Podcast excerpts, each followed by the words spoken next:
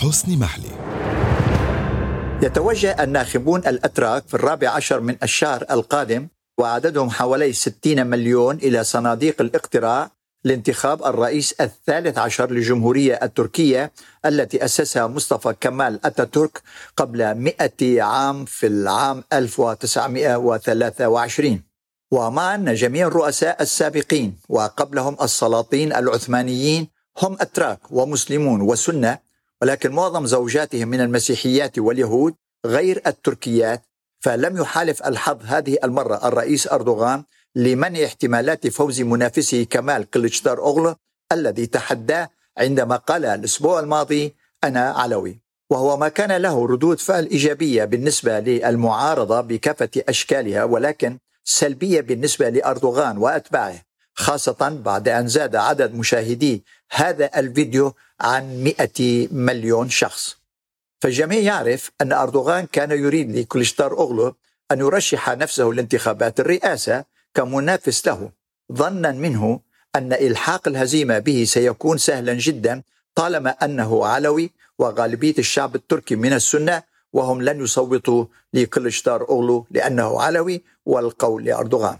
وهو الحساب الذي فشل به أردوغان. عندما أعلن زعماء الأحزاب الخمسة المتحالفة مع حزب الشعب الجمهوري في تحالف الأمة وهم جميعا من السنة أنهم يؤيدون العلوي كليشتار أوغلو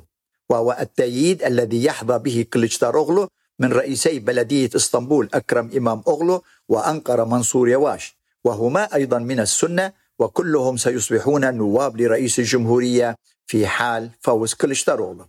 ودفع كل ذلك أردوغان لاستنفار كل إمكانياته وإمكانيات الدولة وخاصة الإعلام لمنع مثل هذا الاحتمال خاصة بعد التفوق النفسي الذي حققه كليشتار أوغلو في الشارع الشعبي الذي كان له رد فعل إيجابي على إعلان كليشتار أوغلو ودفع ذلك الرئيس أردوغان لإصدار تعليماته للإعلام الموالي له كي يشن هجومه التقليدي على كليشتار أوغلو واتهامه بانتهاج سياسات طائفية بإعلانه أنه علوي. وقال أردوغان في إشارة منه على هذا الإعلام سوف نفشل كل المخططات التي تهدف لجعل تركيا سوريا ثانية. ويقصد بذلك ما تعرضت له سوريا بسبب الرئيس بشار الأسد وسبق لأردوغان أن قال عنه أنه يحكم سوريا باسم الأقلية العلوية كما هو اتهم كليشتر أولو في الماضي بالاعتراض على سياسات أنقرة في سوريا ودعم الرئيس الأسد لأنه علوي مثله. في الوقت الذي يستمر فيه أردوغان وإعلامه في هجومه العنيف والشرس ضد كليشتار أوغلو وزعماء تحالف الأمة ويتهمهم أردوغان بالتعاون مع الإرهاب والمقصود به حزب الشعوب الديمقراطي الكردي الذي أعلن تأييده لكليشتار أوغلو باعتبار أن هذا الحزب هو الجناح السياسي لحزب العمال الكردستاني التركي المحظور وهو الاتهام الذي تصدى له كليتشتار أوغلو مسبقا عندما قال في إحدى فيديوهاته على حسابه على شبكات التواصل الاجتماعي أنه لا يحق لأردوغان ومن معه أن يتهم كل الأكراد في تركيا وهم بالملايين بالإرهاب. إذ من المتوقع أن يصوت حوالي 6 مليون ناخب لحزب الشعوب الديمقراطي ليفوز بحوالي 70 مقعد في البرلمان من أصل 600 مقعد. في الوقت الذي يعرف فيه الجميع أن الغالبية الساحقة من العلويين وهم يشكلون حوالي 20% من الشعب التركي سوف يصوتون للمعارضة. بعد أن عانوا ما عانوا منه تحت حكم الرئيس أردوغان وهو طائفي ليس فقط في الداخل بل الخارجي أيضا. حيث تدخل فيما يسمى بالربيع العربي من منطلقات دينية طائفية أراد لها أن تساعده لزعامة العالم الإسلامي السني لإحياء ذكريات وأمجاد الخلافة العثمانية التركية بصفته وريث السلطنة والخلافة العثمانية التي تخلص منها مصطفى كمال أتاتورك بعد إعلان الجمهورية عام 1923 ودون أن تلبي هذه الجمهورية العلمانية طموحات العلويين الذين تعرضوا دائما لكافة أنواع الاستقصاء فلم يصبح ايا منهم رئيسا للجمهورية أو الحكومة أو رئيسا للأركان أو في أي منصب مهم في الدولة التركية كما شهد التاريخ التركي الحديث منه ومن قبله التاريخ العثماني احداثا دموية استهدفت العلويين رغم أنهم لم يقوموا بأي عمل ضد الدولة وبقوا ملتزمين بدستورها وقوانينها بل وحتى عاداتها وتقاليدها. في الوقت الذي لم تعترف به هذه الدولة كطائفة مذهبية به العلويين واعتبرتهم رئاسة الشؤون الدينية وهي بمثابة وزارة الأوقاف في الدول العربية اعتبرت العلويين مجموعة اجتماعية لها عاداتها وتقاليدها الثقافية. لذا لم تعترف بدور العبادة التي يتردد عليها العلويون الأتراك. وهم نوعان الأول علويو الأناضول والثاني العلويين العرب الذين يعيشون في منطقة اسكندرون وقليلا في ولايتي مرسين وأضن جنوب البلاد وهم امتداد للعلويين في سوريا ولا يترددون على دور العبادة خلافا لعلويي الأناضول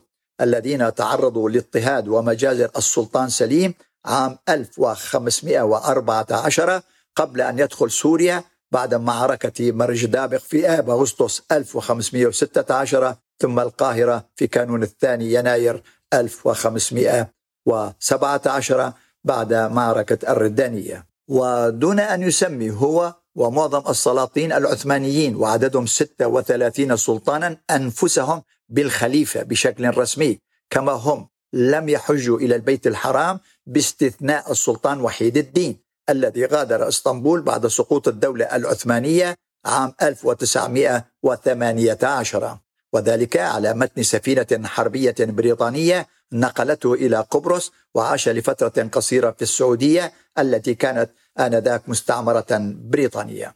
والغريب في الموضوع أن أتباع وأنصار الرئيس أردوغان ما زالوا يرون في السلطان وحيد الدين زعيما تاريخيا كما هم يرون في السلطان عبد الحميد هكذا ويقولون عنهما أنهما ضحية لمؤامرات إمبريالية صهيونية. ناسين أن أردوغان الزعيم الإسلامي العظيم على حد قولهم له علاقات استراتيجية مع كل من أمريكا الإمبريالية وإسرائيل الصهيونية. وهو ما يفسر اتهامات الزعيم الإسلامي ورئيس الوزراء الأسبق نجم الدين اربكان للرئيس أردوغان بأنه صنيعة أمريكية ويهودية. وقال أكثر من مرة أن من يصوت لأردوغان فهو يصوت لأمريكا وإسرائيل. وهو الكلام الذي لم يلتزم به نجله فاتح أربكان زعيم حزب الرفاه الجديد الذي أعلن تأييده لأردوغان بعد أن وعده أنه سيجعل منه عضوا في البرلمان. ودون أن ننسى أن الإعلام الذي يسيطر عليه أردوغان يلعب دورا اساسيا في التسويق لمقولات وأفكار الرئيس أردوغان وذلك عبر الأفلام والمسلسلات التاريخية والمقولات والشعارات القومية والدينية والطائفية التي أقنعت الكثير من المواطنين الأتراك أقنعته بأن العالم برمته يغار من أردوغان ويحسده بسبب إنجازاته العظيمة. فأردوغان لا يريد لهم أي لاتباعه وأنصاره أن يفكروا بمشاكلهم اليومية وهي صعبة جدا، كما لا يريد لهم أن يروا كيف أنه هزم في جميع مشاريعه في الداخل والخارج حيث فشل في مخططاته للتخلص من النظام العلماني وأسلمت الأمة والدولة التركية كما هو فشل في مخططاته ومشاريعه لدعم جميع حركات الإسلام السياسي المعتدلة منها والمتطرفة في المنطقة وأراد لها أن تخلق له حاضنة شعبية في العالم العربي والإسلامي بصفته زعيم كل الإسلاميين والمسلمين بعد أن بايعته الأحزاب والمجموعات الإخوانية العربية في المنطقة والتي ابتعدت عن العباءة السعودية التي حلت محلها العباءه التركية المدعومة من آل ثاني المنافس والعدو التقليدي لآل سعود.